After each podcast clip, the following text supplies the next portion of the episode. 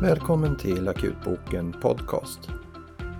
I detta avsnitt ska vi prata om en ny studie kring längd av eh, perifera venkatetrar när man använder ultraljudsledd inläggning.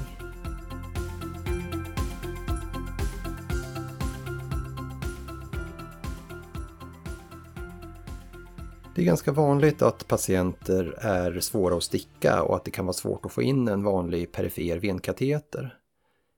Här är ultraljud ett bra hjälpmedel och man kan med ultraljud få tillgång till djupare vener än det som vi i normala fall använder när vi sticker i händer, underarmar och armveck.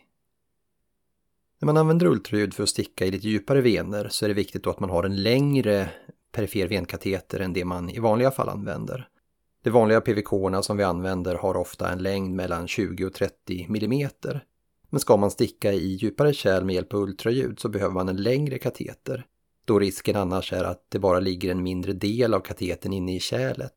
Och det finns flera studier som visar att det är ganska vanligt att kateten annars åker ut eller orsakar en tromboflebit och att läkemedel som man ger då går subkutant. Flera tidigare studier och eh, praxis är att man ofta rekommenderar en minst eh, 45 mm lång kateter när man väljer att sticka i djupare vener med hjälp av ultraljud. Exakt hur lång kateten dock bör vara är lite oklart och det finns en del som talar för att det kanske är ännu bättre med en längre kateter än 45 mm. Vi har nu i år fått en ny studie i Annals of Emergency Medicine där man har tittat just på kateterlängd när det gäller ultraljudsledda eh, punktioner. Och eh, det man har gjort i studien eh, var att man randomiserade 257 patienter som alla var svårstuckna till att antingen få en ultraljudsledd PVK där kateten var 48 mm lång och jämförde det med en annan kateter som var 64 mm lång. Och sen följde man upp de här patienterna för att se hur länge kateten fungerade och eventuella komplikationer som uppstod i efterförloppet. Studien visade att mediantiden till att Eh, en eh, 48 mm lång kateter slutade fungera var ungefär fyra dygn. Medan mediantiden för den längre kateten som var 64 mm var sex dygn.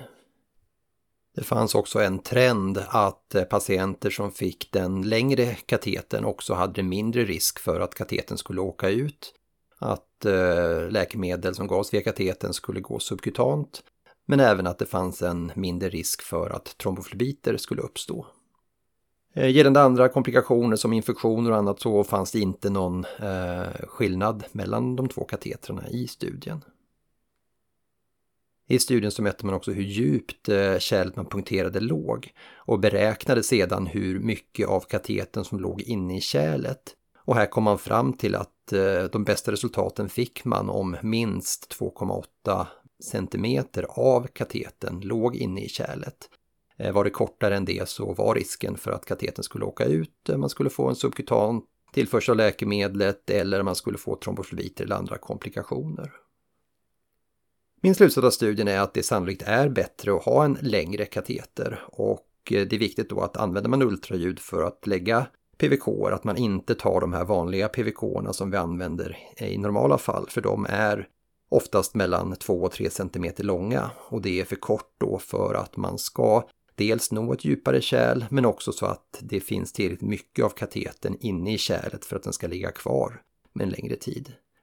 Eh, jag tänker att man minst i alla fall bör använda en 45 mm lång kateter, men jag tror att vi kommer att se fler och fler längre varianter av katetrar också. Och den aktuella studien visar ju att eh, har man en kateter som är över 6 cm så är det nog sannolikt så att den kommer att fungera längre än en kortare kateter.